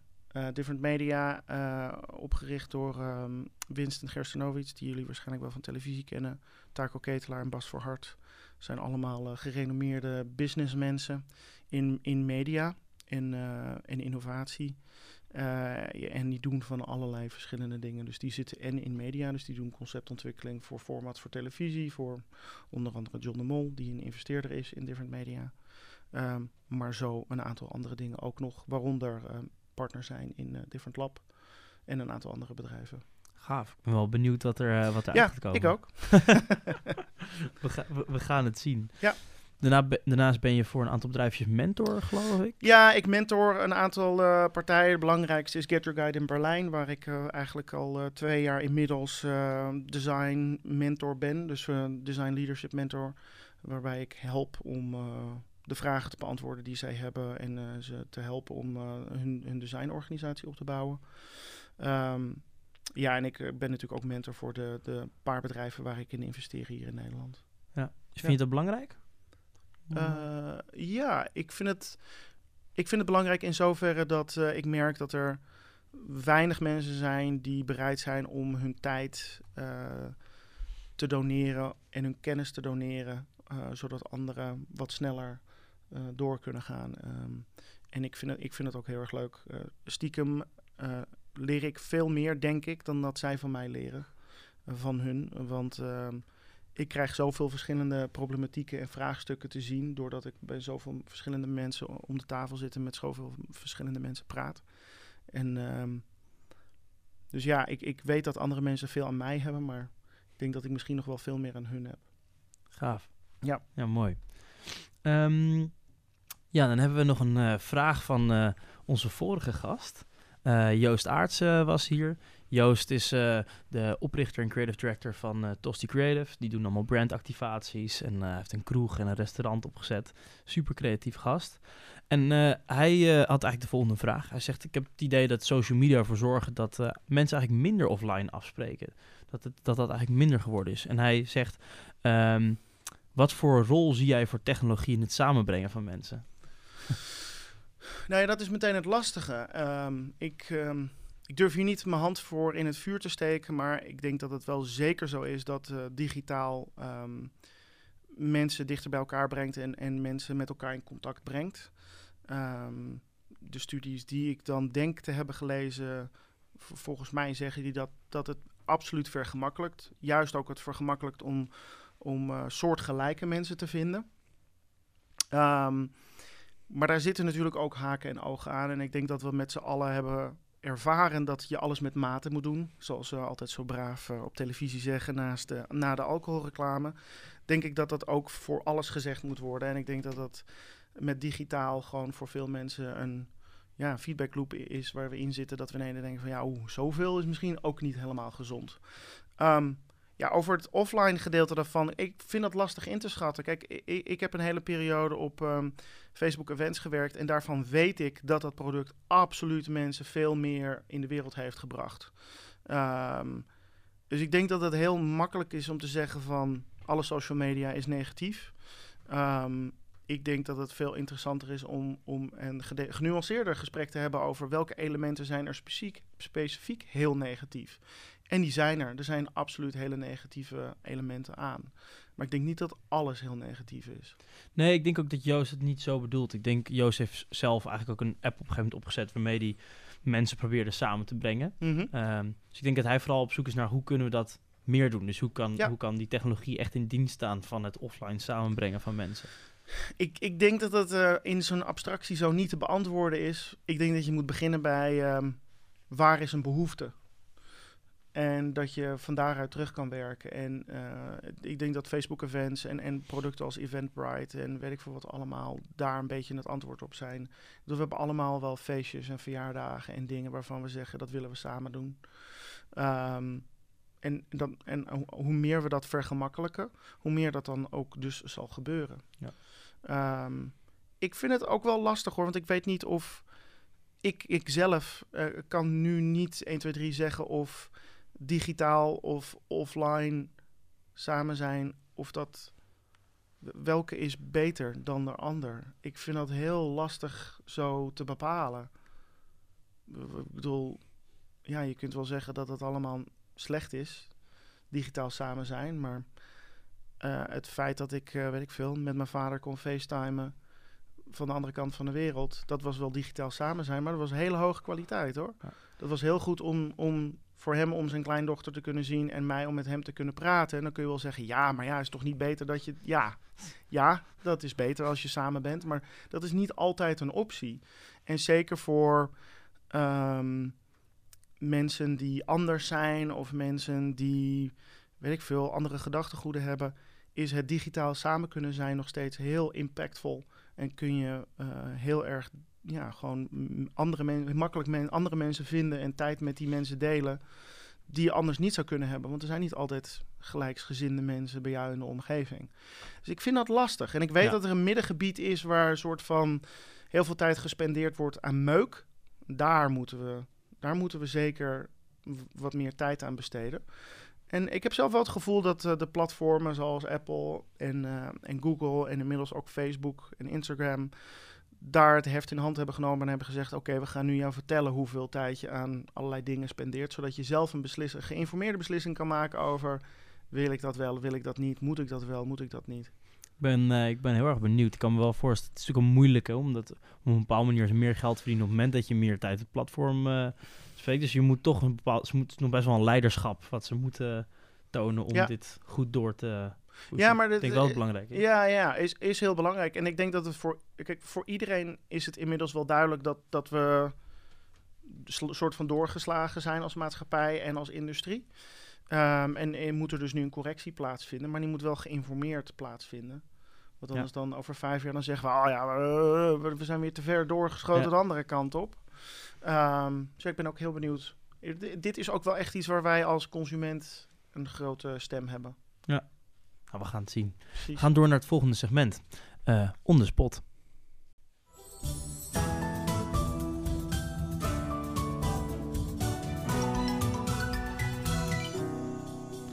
Zoals de naam al verklapt, zetten we je tijdens dit segment on the spot. Eh, we gaan beginnen met een vragenspel, de rapid fire questions. Er gaat zo'n klok eh, van 60 seconden lopen. En ik ga jou eh, snel allemaal vragen stellen. En eh, dan moet je tussen twee opties kiezen. Uh-oh. We gaan het zien.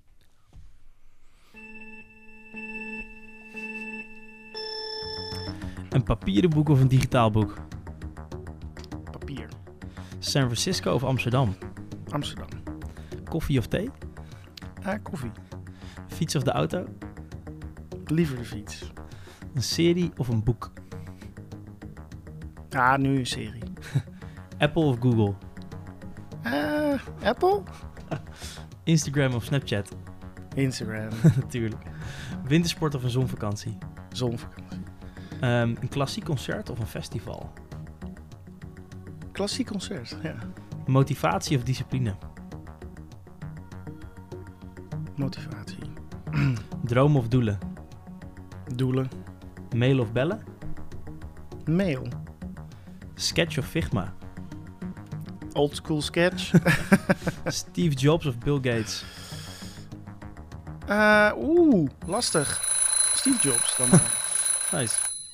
Tegenwoordig Gaaf. vind ik, ik vind Bill Gates toch wel, ik vind het een hele interessante man geworden. Het is in één keer die, hij stond al bekend omdat dit zo'n agressieve za- zakenman was. Ja. En hij is in één keer die hele lieve opa geworden. Ja, nee, maar helemaal fantastisch. Nou, helemaal, de, de, de, de Bill Gates na Microsoft is wel echt een hele coole vent. Ja, die heeft gewoon, eh, wat is het, voor mij meer dan een miljoen mensenlevens gered met zijn ja, foundation. nee, ik vind het echt helemaal fantastisch. Ik, eh, heb wel een petje af hoor, van wat die vent allemaal eh, nu doet. Ik vind dat wel heel cool. Ja, ik ben ook, eh, vind het ook heel gaaf. Ik zou er nog een keertje een boek over willen lezen. Ja. Of, eh, Ja, ja. Ik, het is voor mij niet helemaal van toepassing, want zo rijk ben ik niet. Eh, maar ik vind eh, wat hij voor de wereld doet en, en waar hij mee bezig is eh, heel erg interessant. En veel meer im- veel impactvoller dan wat hij ooit bij Microsoft heeft gedaan. ja, dat denk ik ook. Ja, ik zeg, als alle, als een, eh, als een, een eh, Jeff Bezos of zo dat op een gegeven moment ook gaat doen als hij klaar is bij Amazon, dan eh, komt het allemaal wel goed. Nou ja, de, de, de grap is dus, veel van die mensen doen dat, maar die communiceren er niet over. Hè? Dus zo heeft Mark Zuckerberg ook het Chan Zuckerberg eh, initiatief. Nou, die geven hem toch een partij geld uit aan allerlei fantastische mooie dingen in de wereld. Alleen er wordt totaal niet over geschreven en niet over gecommuniceerd. Sterker nog, ik zag van mij laatst op Twitter een lijstje voorbij komen. Er is een soort van tweet die de ronde gaat over dat als je, als ik iedere, ieder jaar twee keer, wat was het, 15 dollar aan een eh, charity zou geven, dan zou ik meer gedeelte van mijn inkomen weggeven dan een Jeff Bezos doet, terwijl hij zo rijk is. En dat, dat, soort, dat, soort, dat soort tweets eh, gaan de ronde de laatste tijd. Klopt, ja, de lastigheid is altijd ehm, dat ehm, Jeff Bezos is inderdaad een hele rijke man. Hij is gescheiden, dus dat is nu door de helft. maar ehm, dat zit natuurlijk wel allemaal vast in dat bedrijf. Dus je Ja. kan niet zeggen, hey Jeff Bezos, geef eventjes 90% weg. Dat, ja, dat, dat zou kunnen in theorie. Maar dan zou hij dus ook 90% van zijn aandelen in zijn bedrijf weg moeten doen. Dus dat is een beetje makkelijk lullen. Ehm, de, de echte vraag is hoeveel cash zet hij weg naar goede doelen. Volgens mij best wel veel hoor, maar Ja. meer dan ik, zou ik het zo zeggen. Hey, bij, ehm, ehm, bij Young Creators willen we het niet alleen maar over de succesverhalen hebben. Eh, zoals je waarschijnlijk wel weet, is de, de, de weg naar een succesvol product is geen, geen rechte, rechte weg. Niet? Oh. Ehm, zou, jij, zou jij misschien een, eh, een leuk fuck-up verhaal met ons willen delen? Iets wat niet helemaal ging zoals je had gehoopt. nee, die heb ik niet. Eh, jongens, even nadenken. Een fuck-up verhaal. Ehm, nou ja, Jezus. Wat, waar, waar, waar ben je het meest in geïnteresseerd? Wat voor soort fuck-ups? Hmm. Nou, we hebben bijvoorbeeld, wat ik een leuk voorbeeld vind, is ehm, eh, Rick Pastoor van Blendel. Die vertelde dat ze op een gegeven moment een... eh, ze, hadden mensen hadden een betalingsachterstand eh, bij Blendel. En toen hebben heeft hij, hebben ze vervolgens naar al die mensen een mail gestuurd. Maar daarin hadden ze het verkeerde rekeningnummer gezet. Oh, dat is een hele leuke. Ah, die- is heel onschuldig. Of, of Jelle Prins die met een team aan een soort van... het was een soort EHBO-app, een soort van eh, eerste hulp-app. En toen hadden de developers om te testen, ze wilden niet steeds 1 en 2 bellen, hebben ze eh, Jelle's nummer erin gezet. En vervolgens uit, eh, uiteindelijk die gepubliceerd in de App Store. Ehm, ja, ik heb, ik- dat soort fouten heb ik gelukkig zelf niet gemaakt. Ehm, ik denk dat ehm, ja, voor mij de fuck-ups zijn, zijn voor, de fuck-ups voor mij zijn nooit de kleine dingen. Ehm, die vind ik al, dat hoort erbij. Dat is leuk. En daar reken ik mezelf nooit op af. Ik reken mezelf meer af op de wat, op de wat grotere dingen. Weet je, zoals ik in het begin zei, dat we twee jaar in Kaleidoscoop hebben gewerkt enorm veel tijd en energie hebben geïnvesteerd. Maar dat we nooit echt een heel goed businessgesprek intern hebben gehad over... is dit wel een goed idee? Gaat dit zo aan de dijk zetten? Ehm, omdat bij ons toen altijd gewoon het gesprek was... eh, wordt dit een vet product of niet? Ja, natuurlijk wordt het een vet product. Nou, dan gaan we het toch gewoon doen. Ehm, en, en dat... En ik, ik vind dat nog steeds ook als mentor van startups een prachtige situatie. Dat je, Dat je merkt dat mensen prachtige ideeën hebben, prachtige producten aan het maken zijn. En dat je dan op een gegeven moment de tough question moet vragen van... Ja, ehm, en het verschil hiermee gaat zijn wat exact? En hoe ga je hier precies geld mee verdienen? En, en dat, dat je dan mensen achter hun oren voelt krabben en denken van... Ja, dat weet ik niet, weet je wel. Oh ja, dit wordt B2B, dus moeten er sales gedaan worden. Wie gaat de sales doen? Ja, ja, weet ik niet.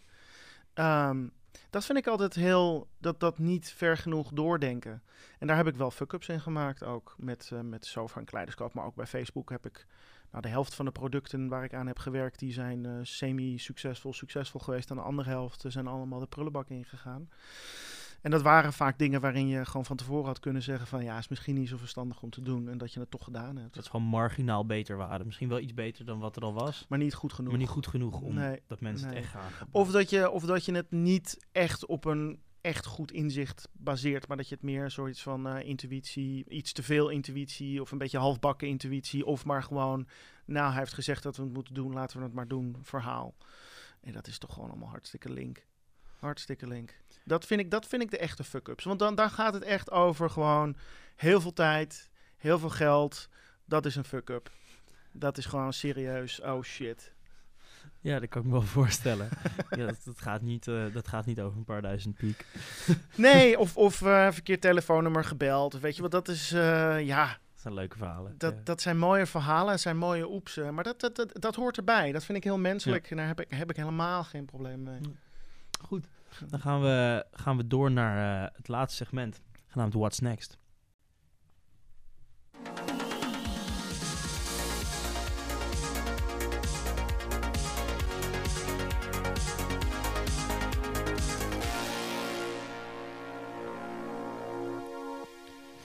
In dit segment kijken we met onze gasten naar de toekomst. Waar gaat de industrie naartoe? Um, wat zijn belangrijke ontwikkelingen en waar staat de gast zelf over vijf of tien jaar? Waar gaat de design ontwikkelt zich voor mijn gevoel heel hard? Waar, uh, waar, waar gaat de designwereld naartoe? Uh,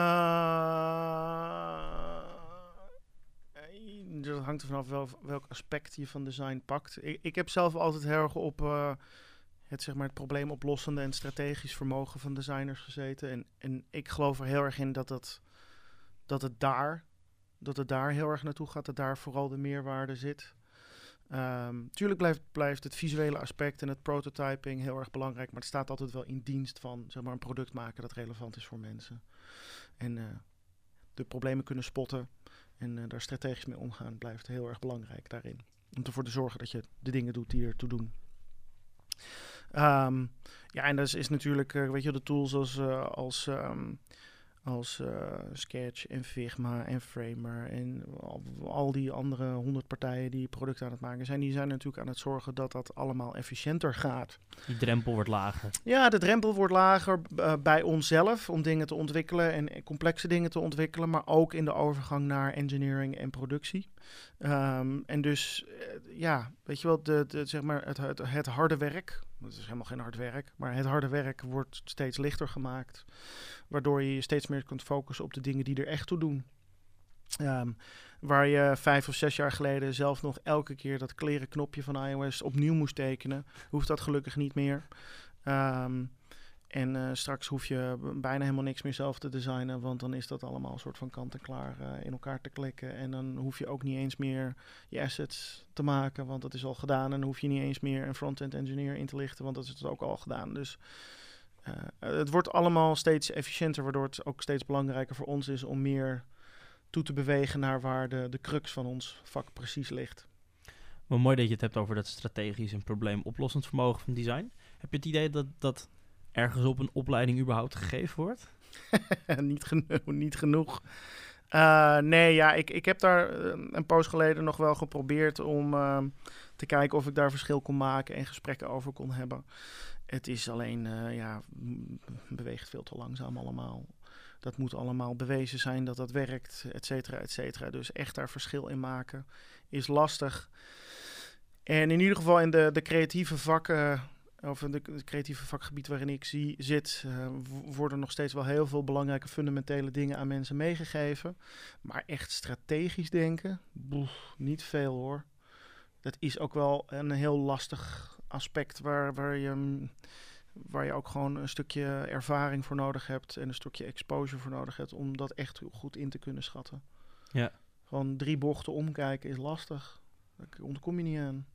En ik denk dat het tegelijkertijd misschien wel steeds belangrijker wordt. Zoals het, het was altijd al belangrijk, maar je, hebt natuurlijk, je krijgt de interfaces worden steeds uh, misschien wel abstracter. Hè, waar je eerst wel altijd je schermpje hebt waar je gewoon een beetje op kon klikken, ga je misschien wel naar een wereld waarin systemen een soort van voorspellen wat gebruikers willen en al Ja. dingen voor je gaan doen, voice interfaces. Ja, nee, maar al, al die dingen gaan naar een, absoluut naar een wereld toe waarin dingen abstracter zijn. Abstracter in zowel de letterlijke als die in de figuurlijke zin. Figuurlijke zin. Ehm, ook gewoon omdat, weet je, de systemen worden inderdaad ingewikkelder. Ehm, eh, en en ehm, ja, dat, is, dat maakt het echt niet makkelijker. Als je nu in, eh, inderdaad eh, ML-models moet gaan omschrijven um, en, en dat soort systemen moet ontwerpen en niet visuele interactiepatronen moet gaan uitdenken, ja, dat is, dat is lastig. Dat is heel lastig. En dan is het inderdaad ook de vraag van, ja, ben je dan nog een designer? Wat, dan ben je gewoon eigenlijk gewoon een interactiearchitect. Dat heeft helemaal niets meer te maken met visueel design dan, behalve dan dat de processen die je gebruikt uh, natuurlijk wel veel overlap hebben. Um, dus ja, het, is, het, is, ja het, het, gaat heel erg verschuiven. Het gaat heel erg een andere kant op, waardoor we ook wel nogmaals veel meer moeten focussen op waarom doen we dingen, hoe doen we dingen. En, en, en daarin worden ook gewoon de, zeg maar de, de morele, ethische kwesties ook niet makkelijker. En moet je een soort van, uh, weet ik veel, een kruising zijn tussen een psycholoog, een filosoof, her en der wat, wat, wat wiskunde, wat uh, wetten kennen uit je hoofd. Want anders dan kun je niks meer maken. Ja. Nu met de GDPR en alles wat er aan de hand is. Het is bijna niet meer te doen hoor. Nee, het is, wordt, wordt erg moeilijk allemaal. Het wordt echt heel erg moeilijk. En dat is, ik vind dat lastig omdat het ook... Nou ja, tien jaar geleden kon Jan en allemaal gewoon coole softwareproducten maken.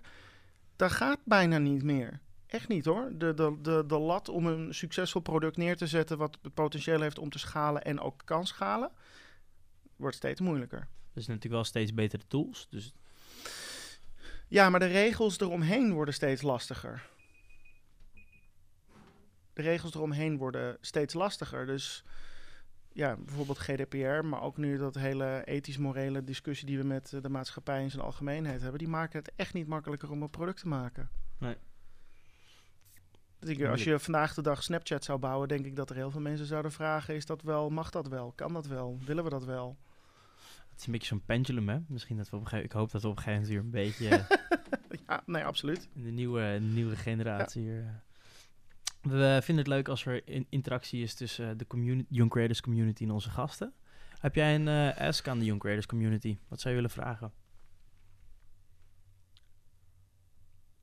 Ik ben wel heel erg benieuwd waar, um, waar zij um, de meeste behoefte aan hebben of het, het, uh, het grootste tekort in hebben. Gewoon überhaupt, um, waar, waar, waar zien zij de lastigheden met het beginnen in, in deze community of in, in welke community dan ook? Haaf, we gaan het, uh, we gaan, we gaan het, we gaan het doorgeven. En, en, en als laatste, als je nog een advies zou mogen geven aan mensen in de community? Uh, doe gewoon heel veel. Probeer heel veel. Ik, uh, toen ik jonger was, heb ik een goede les meegekregen om gewoon veel dingen te proberen. En vooral wat ik zei, ik, ik had niet echt een concreet idee van wat ik wilde doen. Dus ben ik maar heel veel verschillende dingen gaan doen. En heb daardoor heel veel geleerd. Die allemaal later altijd wel weer een toepassingsvorm vonden. Um, dus ik denk dat dat voor mij altijd heel erg waardevol is geweest. Mooi advies. Daar gaan we mee afsluiten. Hey Jasper, ontzettend bedankt. Graag gedaan. Wat tof dat je weer hebt geluisterd naar de Behind the Product podcast. We maken de podcast graag beter en zijn daarom ontzettend benieuwd naar jullie feedback. Laat deze achter in de comments of stuur een mail naar Alexander, de Chief Online van Young Creators. Ook een opname met Young Creators maken? Neem contact op met Alexander, de Chief Online van Young Creators. En als laatste uiteraard een bedankje naar Fondo CS voor het faciliteren van de opnames in een prachtige pand. Peace out.